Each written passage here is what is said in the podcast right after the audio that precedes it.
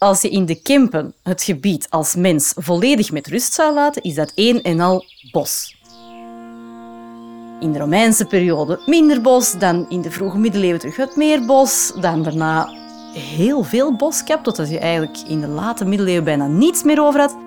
Dan was het extreem ontbost. Wij denken dat we nu heel weinig bos hebben. Dat is eigenlijk helemaal niet waar. Als je dat vergelijkt met toen, was er veel minder bos.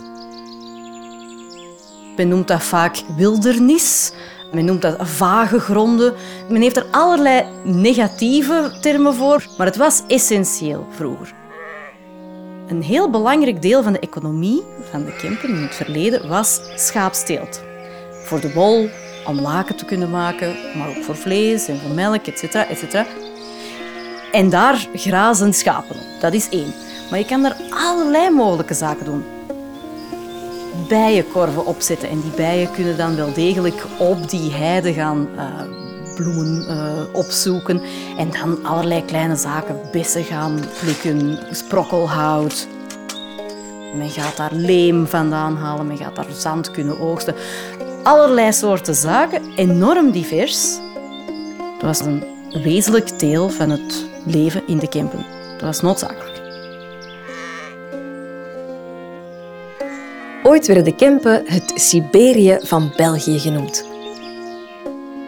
Door een van zijn eigen burgemeesters dan nog wel. Doods, eenzaam en vergeten. Maar dat is natuurlijk helemaal niet zo. Dit is het Kempenoffensief. Een podcast die jou zal bewijzen dat de Kempen geen uithoek zijn, maar het centrum van de wereld. Aflevering 2. Over gedeelde grond. Ik heb het eens berekend voor de Kempen en ongeveer tussen de 80 en de 60 procent van de totale oppervlakte was gemeenschappelijk bezit en bestond voor een heel groot deel uit die heidegebieden. Dit is Maika de Keizer. Ik ben Maika de Keizer. Ze is historica aan de KU Leuven. Ik ben daar tenure-track docent geschiedenis. Dat is een duur, moeilijk woord voor bijna prof. Een tenure-track is eigenlijk een prof op proef. En ik focus vooral op ecologische geschiedenis en sociaal-economische geschiedenis van de premoderne periode.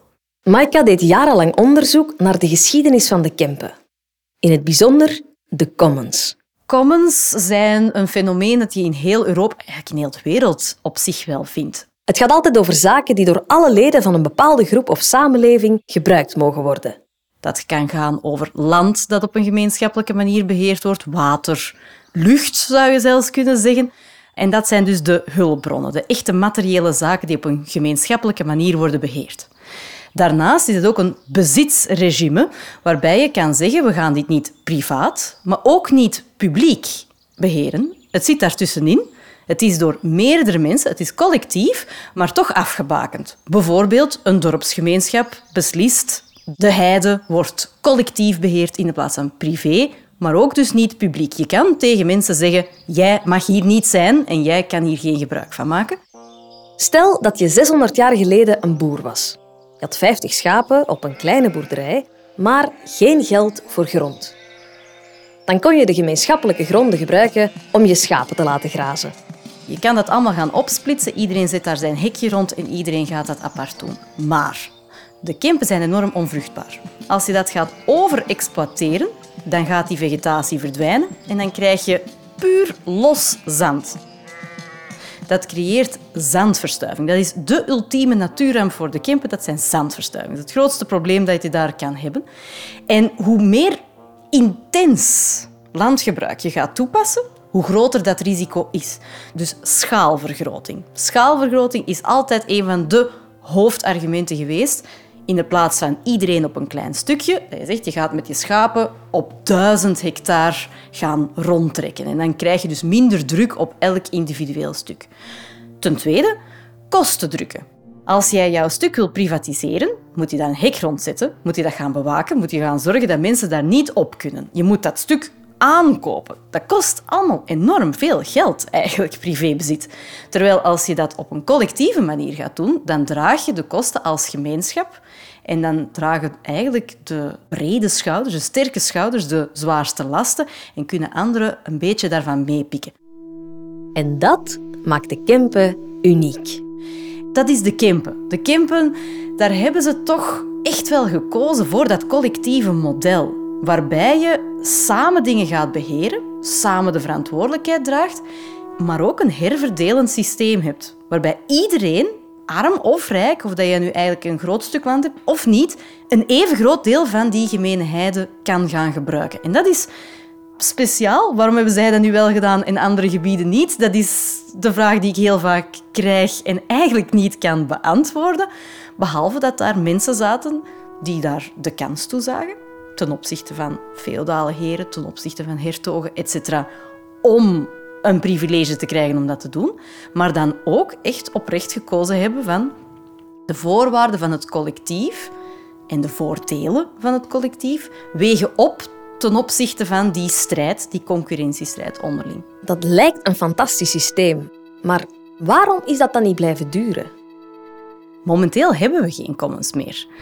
Napoleon heeft er eigenlijk voor gezorgd dat we dat niet meer hebben. De Code Napoleon heeft ons juridisch systeem zo omgevormd dat het concept van commons zoals in het verleden bestonden, vandaag niet meer bestaan in België. Dus als je op zoek gaat gaan, zal je er geen vinden. Bij ons is er een overgang geweest. Grote delen zijn geprivatiseerd, andere zijn net door de gemeente opgekocht en zijn nu publiek bezit. En dat is natuurlijk ja, maar een subtiel verschil, maar toch wezenlijk een verschil.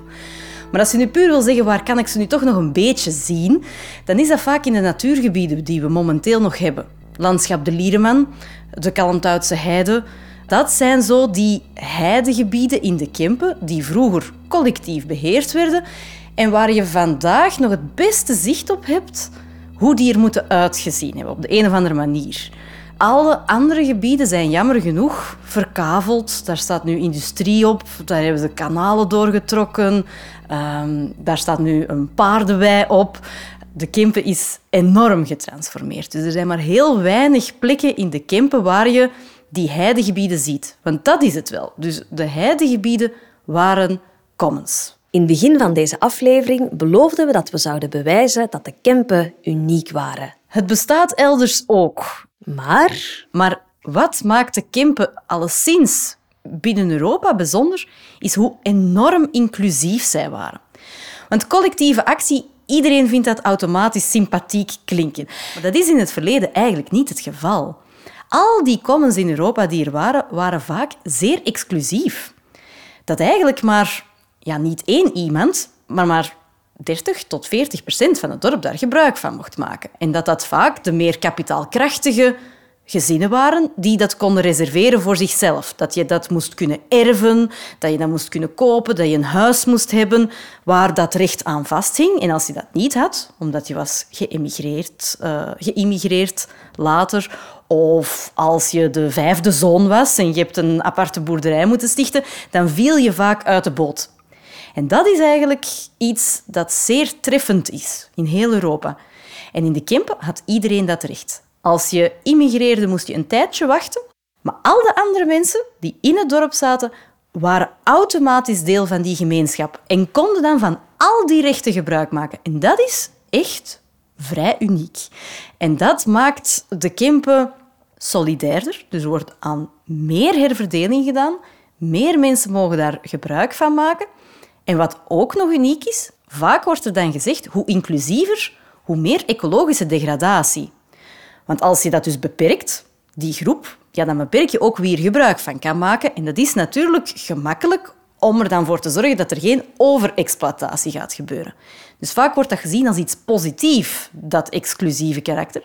In de Kempen waren ze zeer inclusief, maar zijn ze er ook nog eens in geslaagd om tussen pakweg de 13e en de 18e eeuw enorm duurzaam met dat landschap om te gaan. Dus inclusiviteit en duurzaamheid gingen samen. En die combinatie van die twee factoren, dat is echt uniek. Commons in de Kempen waren dus vroeger al uniek. Maar zijn commons ook vandaag nog mogelijk? We staan aan een industriegebied, niet ver van Turnhout. Voor ons tornen twee gigantische windmolens op. Als je met een bepaald idee zit, word je eerst uitgelachen.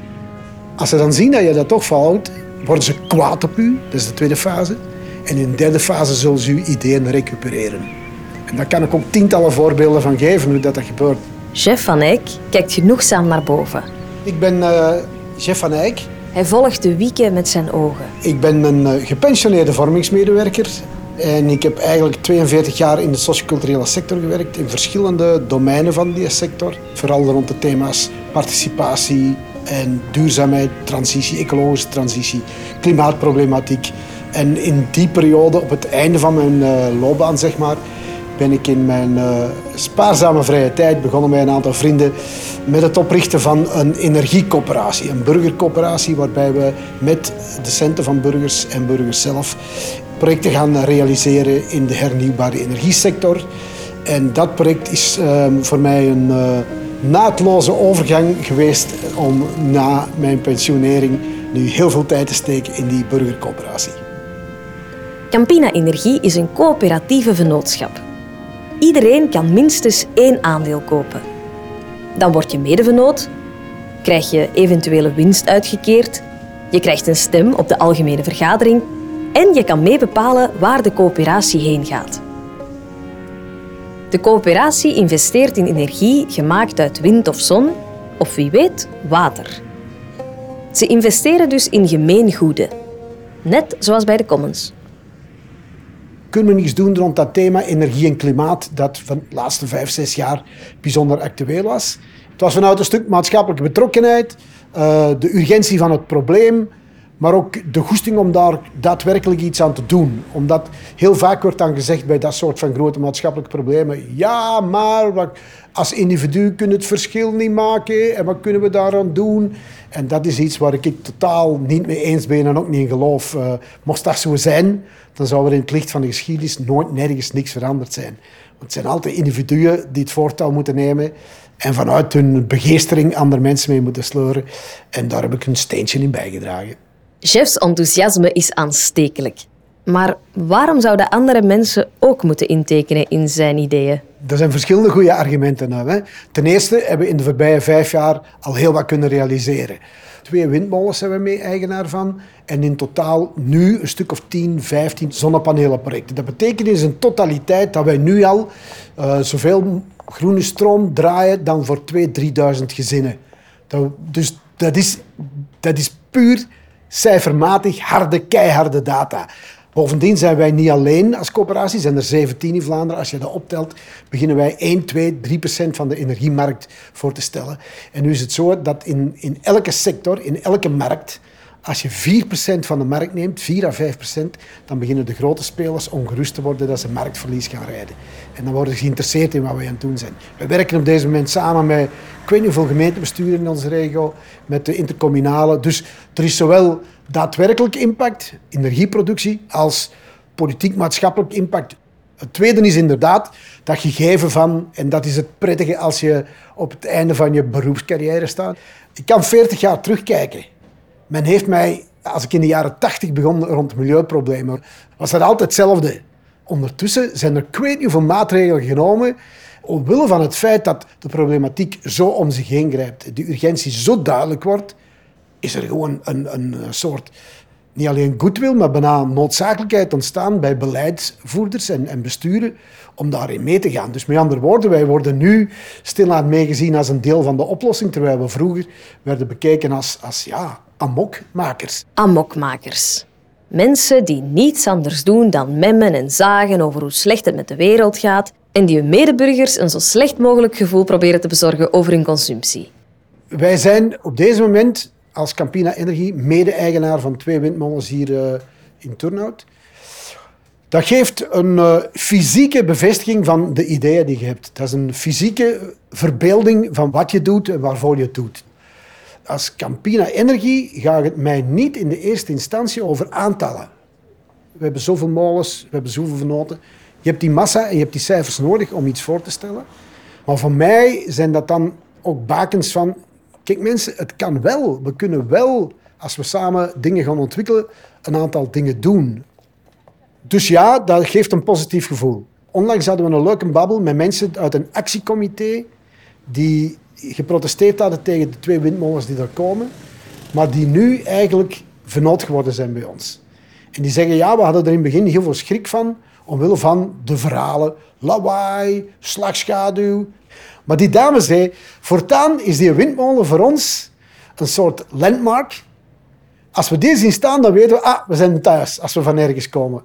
We zijn terug in ons gebied. En ze zegt, ja, voor ons is dat een identificatie eh, gegeven worden. Dus opnieuw zie je dat dingen snel kunnen veranderen. Als de wereld bestaat uit 100 mensen, 10 mensen of 10 procent kijkt naar de wereld, what's in for me? Waar kan ik geld aan verdienen? Welke shit gebeurt er en hoe kan ik daar geld aan verdienen? 10% van de mensen zegt, hoe kunnen we dit hier beter maken? Om vanuit het besef van dat biologisch aangegroeide, we moeten voor elkaar zorgen, maar ook vanuit de visie, hoe meer mensen in mijn omgeving tevreden zijn, hoe meer leuke contacten dat ik heb. En 80% zijn schapen. Maar niet in de zin van domme schapen, maar van volgzame schapen. Van waar komt de wind en dat volgen die. Dus die, vandaar die groentenhoop volgt.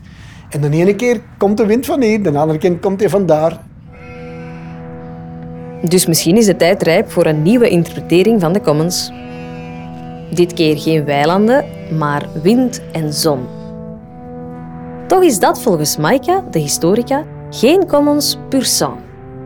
Je ziet wel terug collectieve initiatieven en het leeft wel echt terug hard in de Kempen. Er zijn allerlei initiatieven waarbij inderdaad een tiental mensen samen een stuk grond kopen en dan van die samenpluktuinen of echte landbouwbedrijfjes en dat dan op een collectieve manier gaan doen. Vaak met enorm veel aandacht voor duurzaamheid, voor inheemse planten, om het op een biologische manier te doen. Ik vind dat prima. Vind dat echt prima. Maar het is wel zo dat ze wel inspiratie opdoen, dat zij op zich wel teruggrijpen naar concepten en naar ideeën van daarvoor, maar dat is niet hetzelfde.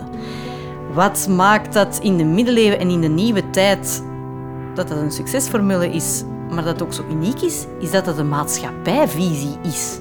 Niet van die tien mensen die op een ongelooflijk verantwoordelijke en inclusieve en solidaire manier die boerderij willen gaan besturen. Prima, maar dat is niet hetzelfde. Dat is een speldekopje groot in een wereld waarbij alles toch wel degelijk op een totaal andere manier wordt bekeken, wordt beheerd.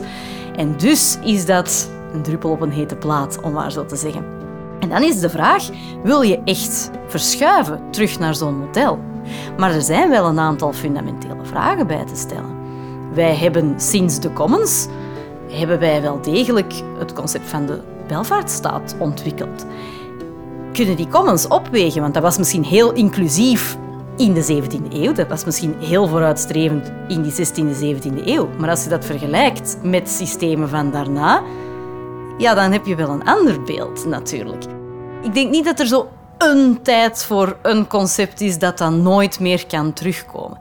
Maar bijvoorbeeld in Nederland is dat debat veel feller aan de gang. Dus daar, daar zijn een aantal zaken waar men echt ouderenzorg aan het heroverwegen is of dat daar wel de overheid het moet doen of men eerder naar het collectieve moet gaan, waarbij men energie gaat opwekken op zo'n manier. Allee, daar is men op een veel fundamentelere manier daarover aan het nadenken. Maar ook echt met die vraag.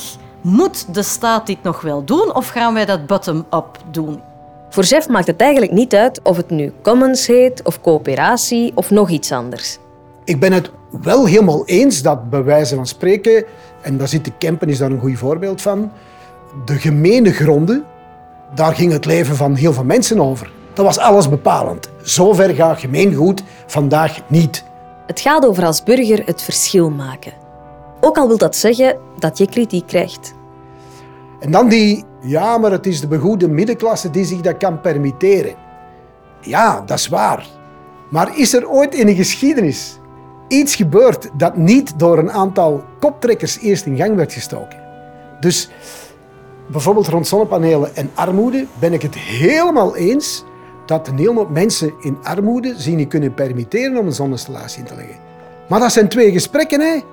We hebben enerzijds zonnepanelen nodig om aan te tonen dat je met zonnepanelen op een andere manier energie kan gaan produceren, op een meer onafhankelijke manier van degenen die nu een monopolie van de energiedistributie in handen hebben. En dus op zich is dat al een soort tegenbeweging tegen de economische monopolies die energie die beheersen.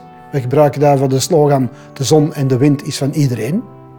En dat verhaal kan alleen maar sterker en sterker worden. Om dan met z'n allen daar als samenleving uit te concluderen hey, we moeten dat monopolie doorbreken en zorgen dat energie, net als water en lucht, een gemeen goed is. En niet iets van de superrijken. En dan krijg je dat, wat ik dan noem, de kritiek op de kritiek. Waarbij men dan zegt, ja, maar niet alle 100% kan daarin mee. Ah ja, dan zullen we het niet doen. En dan laten we het monopolie bij degene die er is. Dus dat vind ik een, een fout kritiek. De maatschappij gaat daar eens echt een debat over moeten voeren. Willen we echt terug of een nieuwe vorm van collectieve actie invoeren? Op wat voor schaal? Ga je dan ook mensen verplichten om daarin te stappen die eigenlijk niet van nature daar naartoe neigen?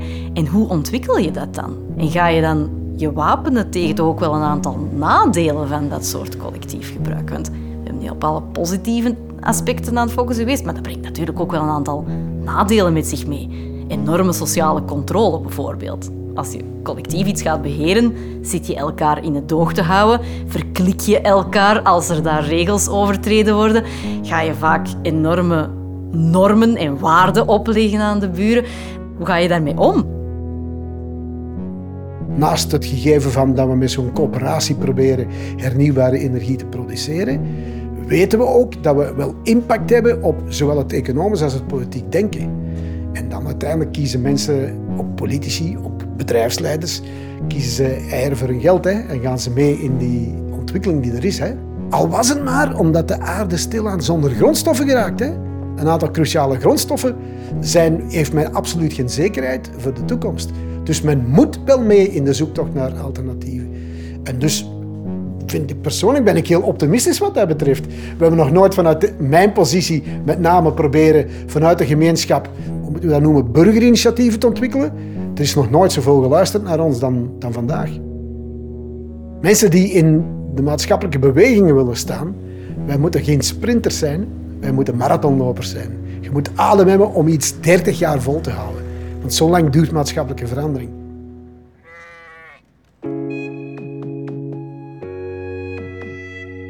Dit was de tweede aflevering van het Kempenoffensief met de stemmen van Maika de Keizer en Chef van Eyck. Het Kempenoffensief is een productie van Avanza Kempen, Beweging.net, Bibliotheek Turnhout, Erfgoed Noorderkempen en Stuifzand. Muziek Frederik de Klerk, interviews en montage Wederik de Bakker en ik ben Elena Peters. Vond je deze podcast leuk? Vertel het dan zeker verder. Voor meer informatie en alle afleveringen het kempenoffensief.be. In de volgende aflevering hebben we het over eerlijke data. We delen alles online met elkaar en met de wereld. Maar wat zijn onze data waard? En wie heeft er toegang toe?